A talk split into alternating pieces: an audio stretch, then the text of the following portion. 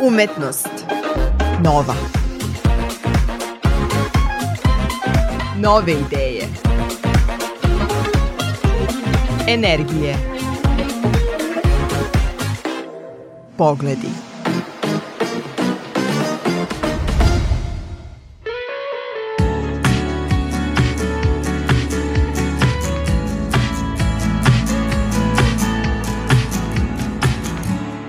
Dobar dan, moje ime je Isidora Bobić. Želim vam dobrodošlicu u novo izdanje serijala posvećenog mladim stvaraocima. Danas vam predstavljam autora za koga stručna javnost kaže da je prešao put od velikog talenta do jednog od nezaobilaznih savremenih domaćih pripovedača. Filip Grujić je nagrađivani pisac i dramaturg rođen u Novom Sadu 95. Autor je i voditelj emisije Čudna šuma na drugom programu Radio Beograda i kolumnista časopisa Oblakoter. Diplomirao je na Fakultetu dramskih umetnosti u Beogradu, gde radi kao asistent na katedri za dramaturgiju.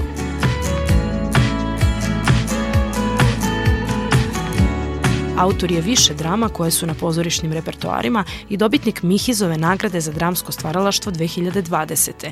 Ne pre 4.30, niti posle 5, njegova je drama ovenčana Sterinom nagradom i nagradom Slobodan Selenić, a izvodi se u ateljeu 212 pod nazivom Predsvitanje, dok mu se drama Vilica Ebena Baersa izvodi u Srpskom narodnom pozorištu pod nazivom Velika depresija.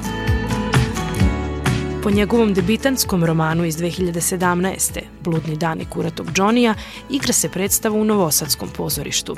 Roman Podstanar iz 2020. mu je bio u užem izboru za Ninovu nagradu i nominovan za Evropsku nagradu za književnost. A mi smo razgovarali o knjizi kojom je krunisao svoj dosadašnji rad, novom romanu i onda opet iz početka, objavljenom ove godine u izdanju Buke.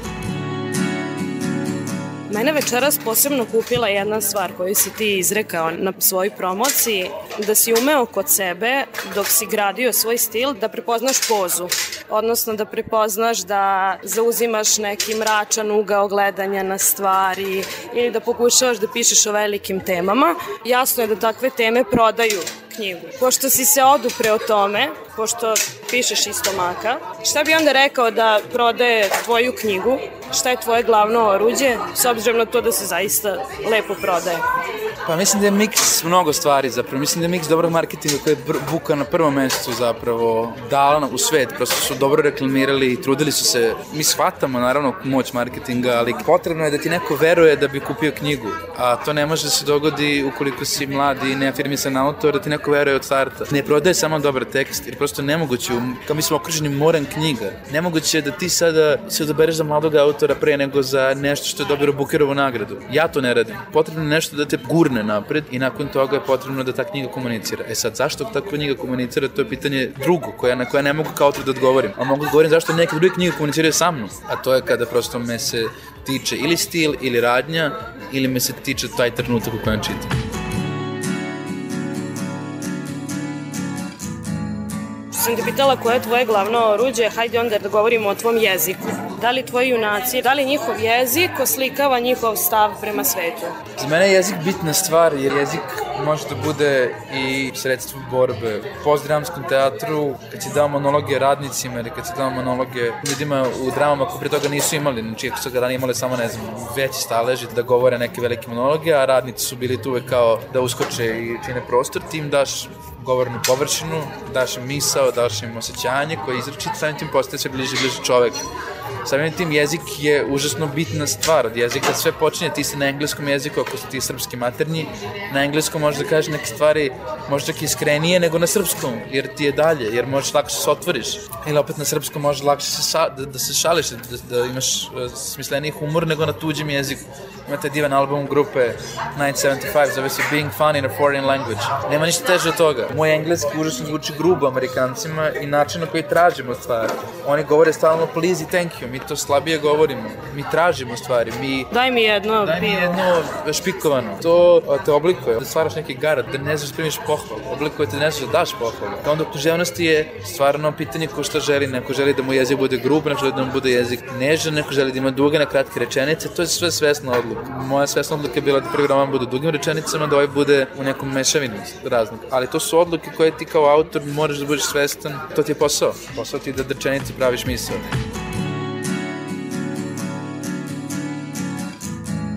Ja sam ovako malo voajerski, u stvari novinarski posmatrala dok si potpisivao knjigu. Uvidela sam da većinom su žene a, u publici, ima i muških primeraka. Da li si ti imao ovaj, nekog onog svog zamišljenog čitaoca, idealnog čitaoca? Nisam imao definitivno, žene više čitaju i statistički više čitaju, čak i da nije to, žene prosto su uvek, devojke su pratile, muzičku scenu su dizale, znači Beatles ne bi postojali bez žena, Stonesi, bilo koji band, Rihanna, nebitno, da idemo na, na, na 21. vek, niko od zapravo umetnika ne bi postojao bez ženske publike.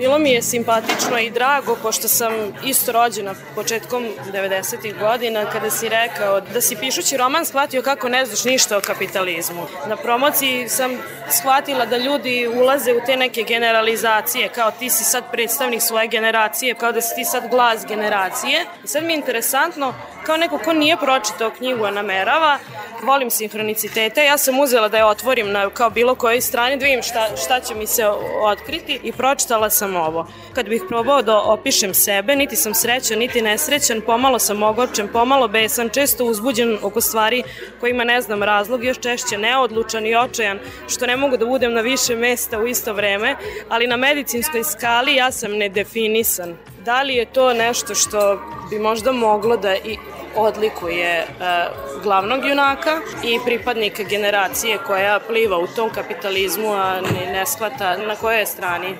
Mislim da je to odlika prosto toga da mi nismo čitali Marksa i Kapital kako su morale generacije pre. nismo čitali ni Bibliju kako su morale generacije pre pre toga. Jako smo slabo teorijski potkovani. Prosto moramo da shvatimo da moramo da imamo više znanja da bi nečemu pričali. I sad zbog toga ja stalno insistiram na tome i pozivam na tu vrstu odgovornosti da ne govorimo u prazno i da ne govorimo floskule. Da, ne, nedefinisani smo, u smislu ja sam nedefinisani dalje, što ne znači da neću biti definisan u nekom trenutku ne želim da uvek pripadam nekoj strani. Za sada sam nedefinisan, niti sam religiozan, niti sam ateističan, niti verujem, niti ne verujem. Da kažemo, u Boga verujem u nešto definitivno što postoji, što me drži živim, ali to je nekako čini mi se odlika. Naravno da ne pričaš u ime generacije, ali se ljudi pronalaze. Evo ja sam se pronašla u jednom pasusu, da. Želim ti svu sreću i hvala ti što si govorio za Radio Novi Sad. Hvala tebi na pozivu. Bio je to 28-godišnji Filip Grujić, autor novog, ali već čuvenog romana i onda opet iz početka. Ja sam Isidora Bobić, hvala vam što slušate Umetnost novu koju možete pratiti i na odloženom slušanju na sajtu Radio Televizije Vojvodine.